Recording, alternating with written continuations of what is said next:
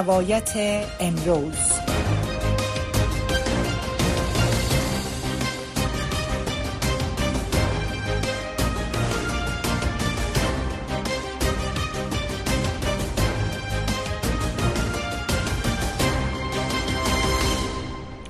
سلام و شب بخیر بیننده ها و شنونده های گرامی تلویزیون آشنا صدای امریکا از واشنگتن. من محمد احمدی هستم. میزبان برنامه روایت امروز برنامه ای که به موضوع نتایج انتخابات پارلمانی پاکستان بحث می‌کنیم و همچنین در مورد این که پارلمان این کشور امروز شهباز شریف را با 201 رأی من حیث صدر اعظم این کشور انتخاب کرده است.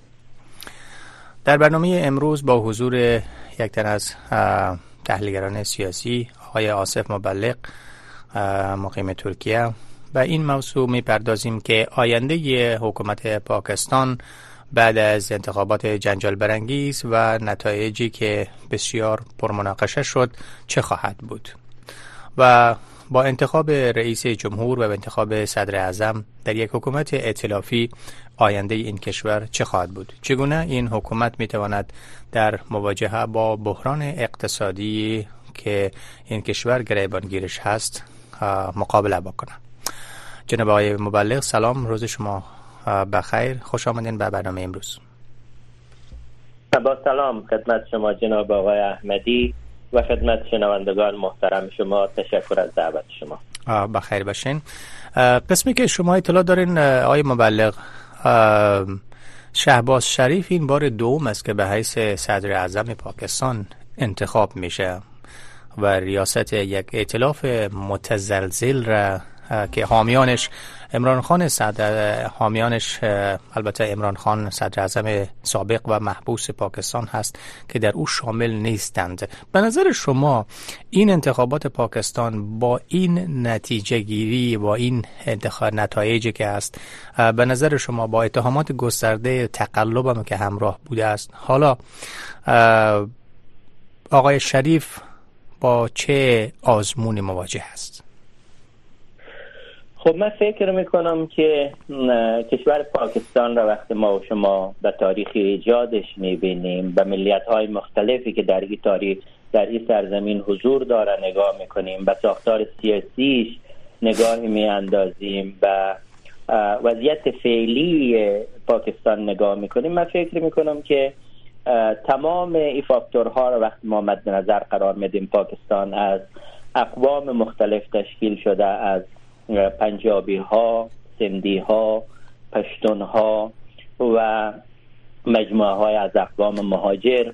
شما در انتخابات هم وقت دیدید این تکفندی ها کاملا مشهود بود. من فکر می‌کنم که بیشتر از هر زمانی در پاکستان امروز ما شاهد گسلهای عمیق اجتماعی بین اقوام ساکن در پاکستان و در جغرافیای سیاسی فعلی پاکستان هستیم.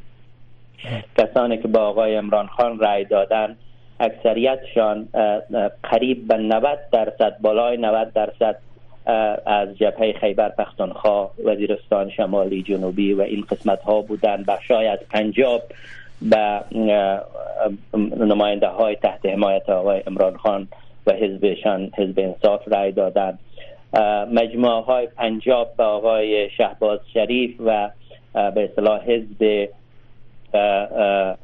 مسلم لیگ شاخه نواز رای دادن. سندی ها که بیشتر در جنوب قرار دارد به حزب مردم پاکستان به رهبری بیلوال بوتو و به رهبری مشترک بیلوال بوتو و زردار علی رای دادن. از او طرف ما در ایالت بلوچستان شاید تشدد هستیم.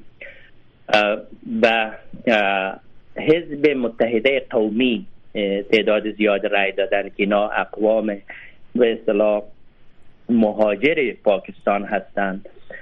و همچنین جبهه بلوچستان رای های را به خودشان اختصاص داد. بنابراین در یک طیف کلی وقت شما می‌بینید می‌بینید امروز بیشتر از هر زمانی در تاریخ سیاسی پاکستان ما شاهد عمیق شدن گسلهای اجتماعی مبتنی بر قومیت در پاکستان هستیم. و ایرا کسانی که در رأس ساختار سیاسی پاکستان هستند به خوبی احساس می‌کنن از یک طرف.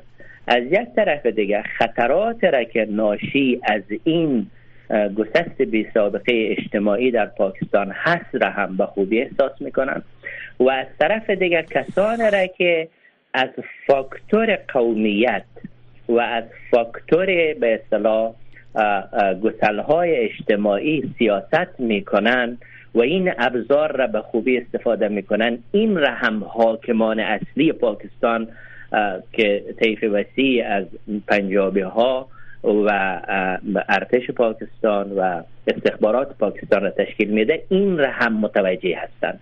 من فکر می‌کنم که علا که آقای امران خان با شعار عدالت اجتماعی از یک طرف و شعار بازگرداندن قدرت و سیاستگران غیر نظامی به میدان آمده بود.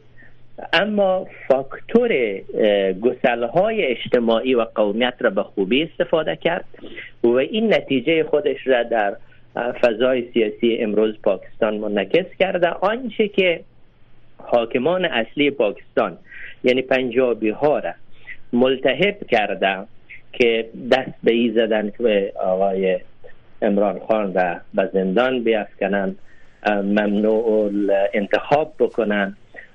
آقای قریشی معاونشان را به همین شکل ممنوع انتخاب و به زندان بیافکنن.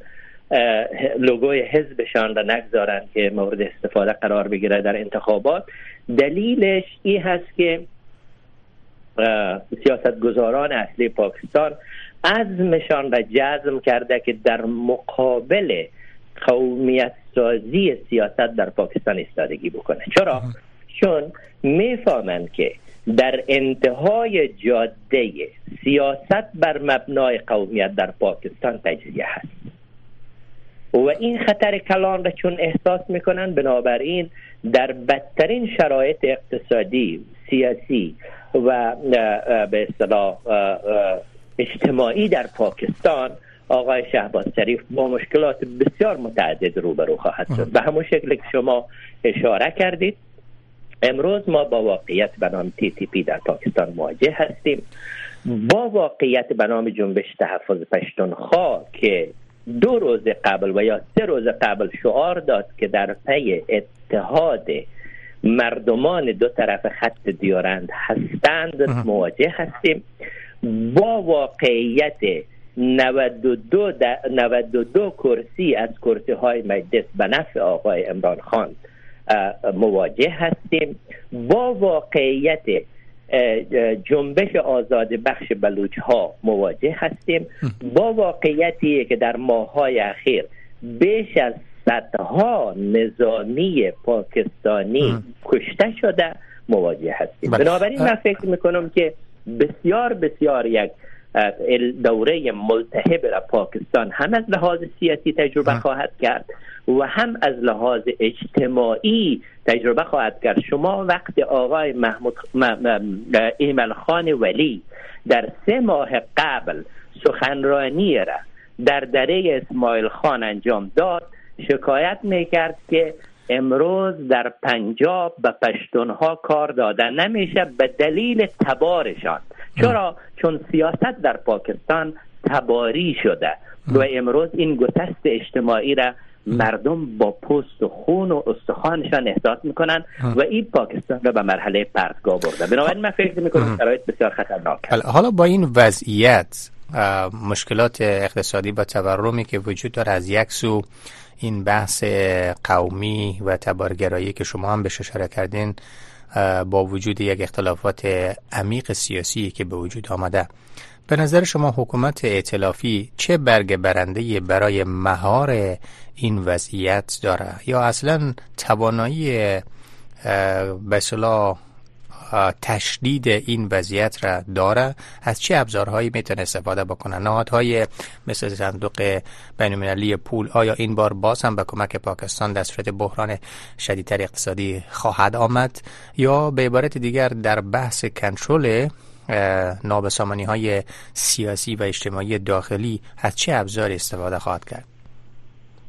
من فکر می‌کنم که در پاکستان به همون شکلی که قدرت اصلی تعیین کننده بوده یعنی سیاستگران پنجاب و آی آی و ارتش پاکستان. این بار هم از یاد نبریم که پاکستان کشور اتمی هست کلاهک های هسته ای داره و دنیا هم این فاکتور را به خاطر داره. یعنی در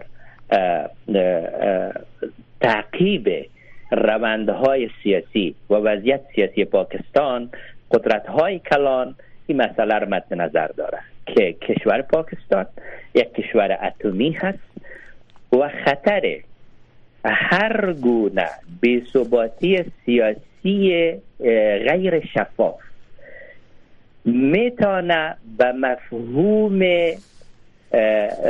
به خطر افتادن کلاهک های هسته پاکستان و افتادن این کلاهک های هسته به دست گروه های غیر مسئول باشه. من فکر می‌کنم ارتش پاکستان فاکتور را به خوبی استفاده خواهد کرد. و من فکر می‌کنم که دوره اختناق سیاسی در پاکستان با تشکیل حکومت جدید به شدت آغاز خواهد شد. یعنی حکومت آقای شهباز شریف از سوی ارتش پاکستان از سوی آی اس آی و از سوی سیاستگران اصلی پاکستان که پنجابی ها باشه.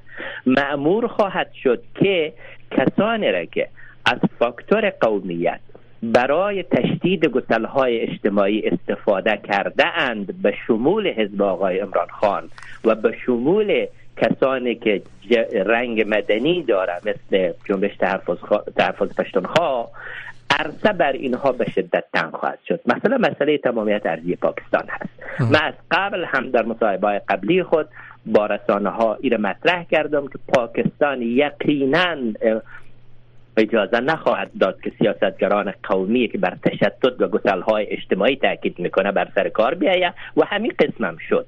هرچند که با به اصطلاح مشکلات مواجه شدن در جمعوری آرا.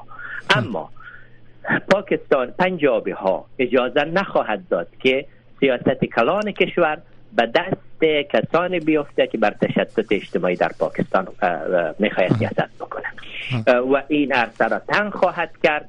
از لحاظی که آیا میتانه من فکر می‌کنم با توجه به اهرمی که نظامی ها داره بحث هسته بودن بحث قدرت چانزنی را که در معادلات نظم جهانی پاکستان می‌تونه بازی بکنه. گرچند با مشکلات ولی اگر سفت سخت بایسته در مقابل استاد و در مقابل این به اصطلاح خواسته ها و صداهای مثل آقای امران خان تی تی پی جنبش بلوچستان من فکر می‌کنم که در نهایت می‌تونه جمع بکنه به اصطلاح. این این این, این, این رو محدود بکنه. شبا شریف گفته که یک از اولویت‌هایش ترمیم رابط پاکستان با ایالات متحده است. بعد از اینکه عمران خان ظاهرا مداخله ایالات متحده را سبب سقوط حکومت خود ادعا کرده بود.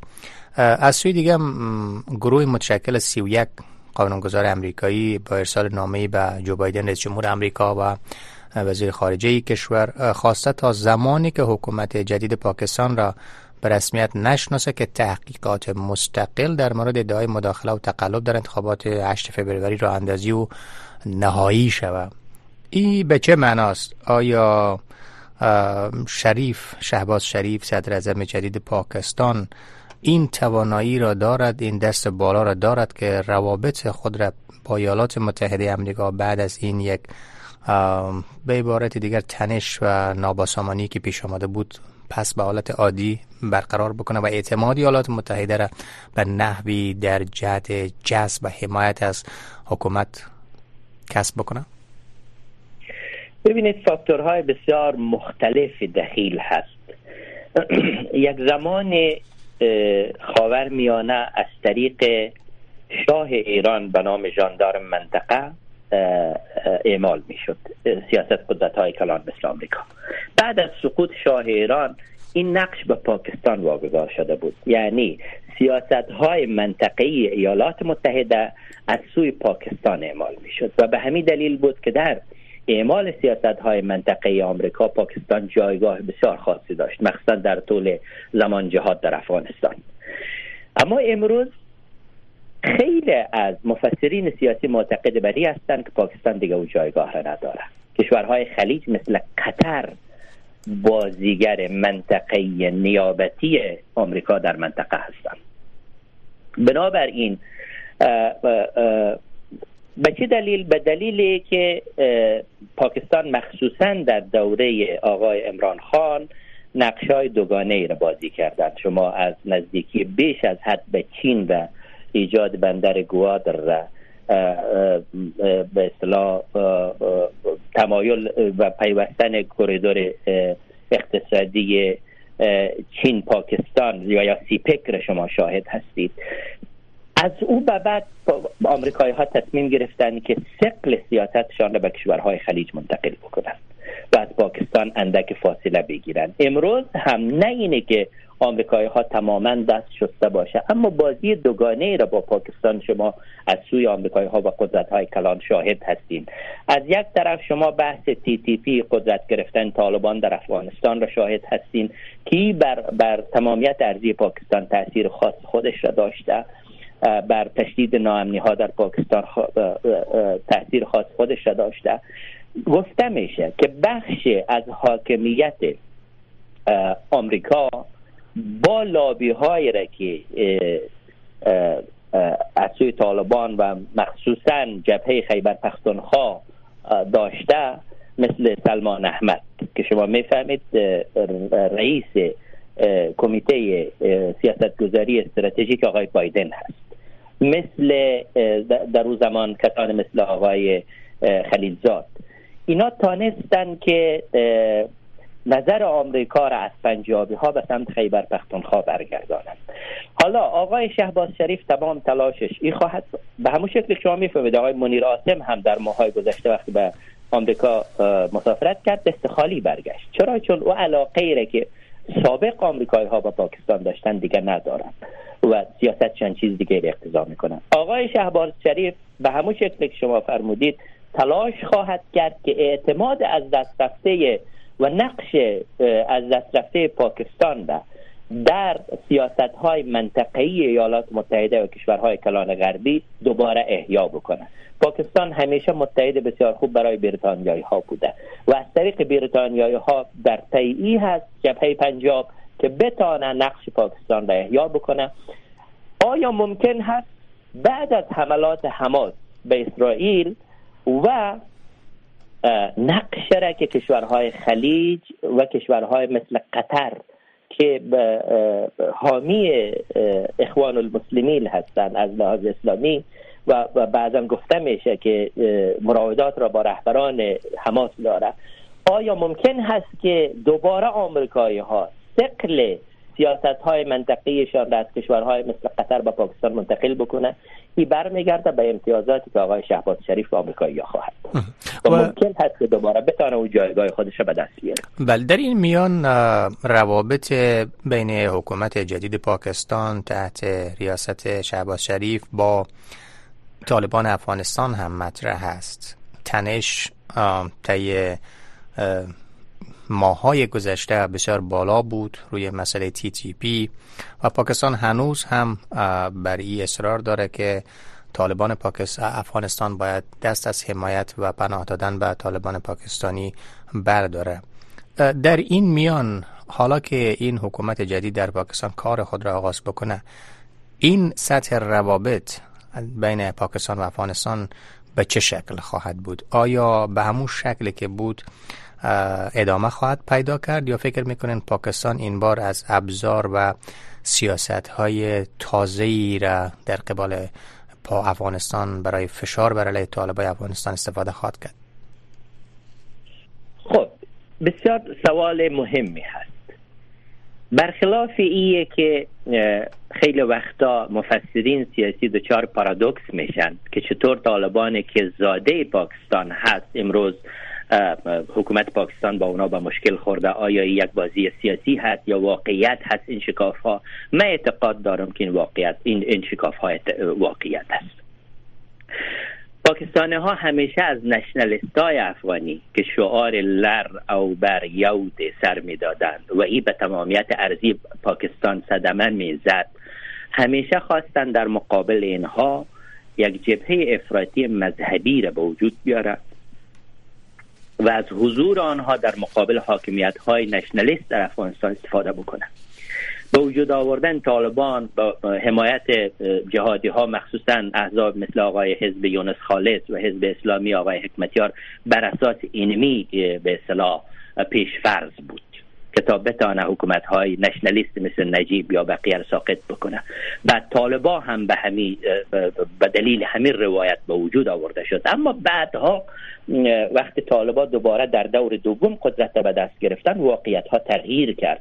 این تغییر واقعیت ها به دلیل ای بود که روابط گسترده را طالبان منهای طالبان از طریق قطر با دنیا ایجاد کردند و امروز طالبان خودشان را مستقلتر از پاکستان احساس کردند و با ارتباطات را که با نشنالیست ها پیدا کردند این بار بعضی از سیاست ها و شعارهای نشنالیست ها از زبان طالبان جاری شد. امروز پاکستان با این واقعیت روبرو هست که از چیزی که می ترسید به سرش آمده. یعنی شعارهای نشنالیست ها از زبان طالبان جاری میشه. یک.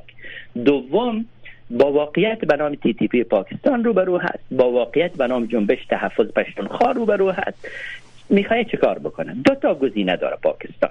یا میآید دوباره خطا می‌کنه و از افراطی های اسلامی یعنی گروه داعش خراسان حمایت خواهد کرد. این بزرگترین اشتباه تاریخی پاکستان خواهد بود. و یا می‌تونه بیاید برای بالانس کردن قدرت در افغانستان به نفع به اصطلاح اقوام افغانستان بازیگری بکنن.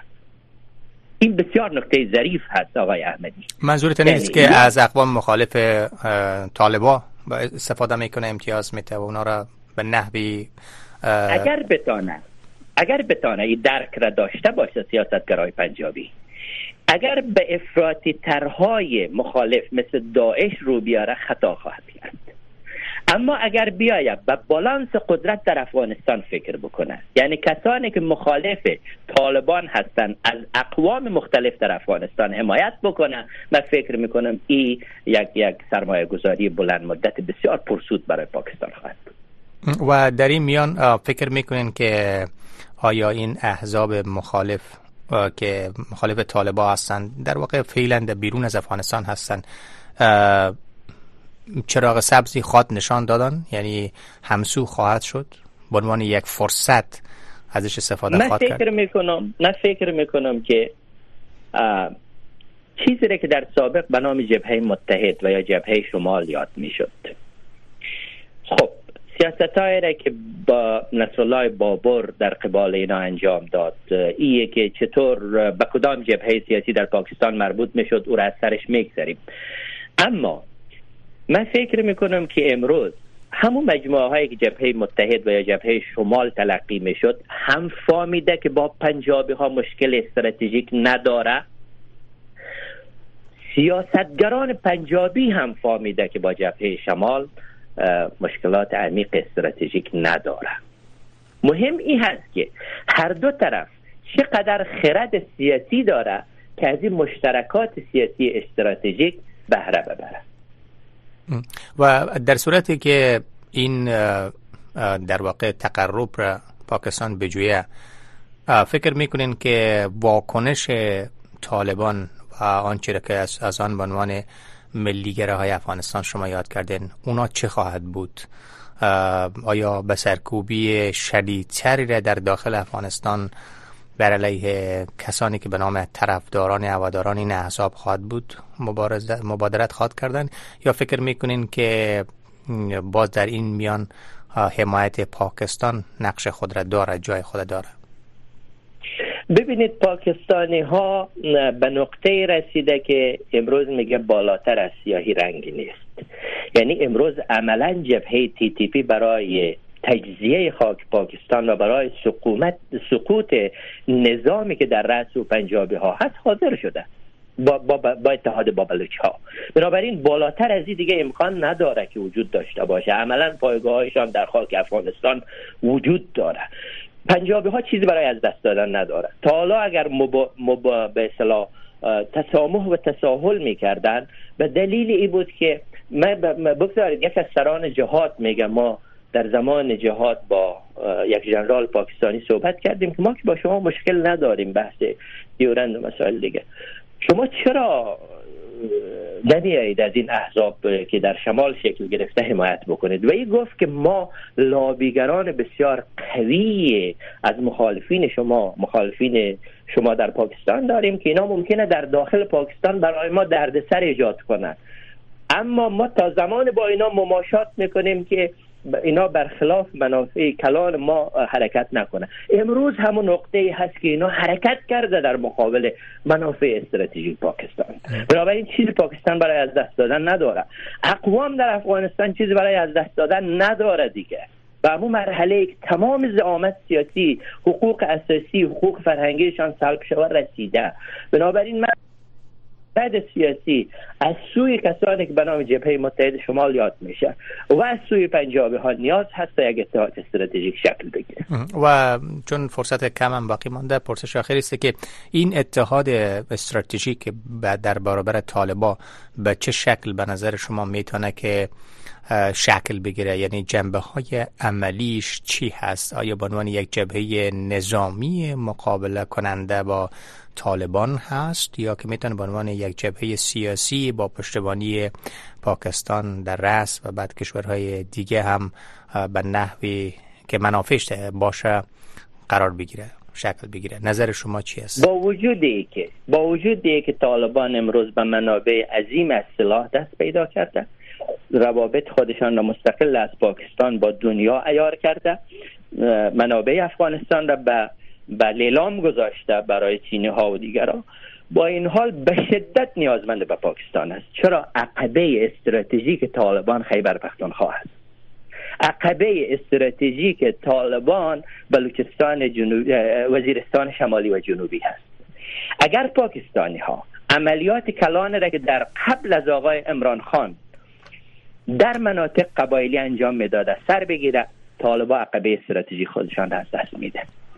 و حمایت های اگر از اقوام احزاب اقوام در افغانستان توسط پاکستانی ها صورت بگیره مخصوصا در مرزهایی که در بدخشان جاهای دیگه ما داریم با اینا باور بکنید طالبان دوامشان بسیار کم خواهد بود.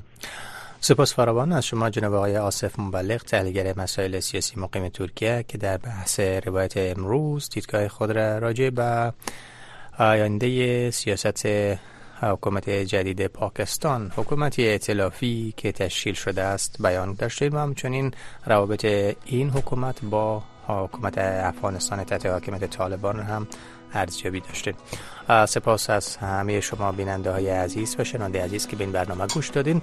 لحظات بعد همکارانم در استودیو خواهند بود با میزبانی برنامه صدای شما. تلفن برنامه 001 202 980 68 20 است و منتظری دریافت تلفن های شما و سهمگیری شما در برنامه هستیم. موفق و کامیاب باشید.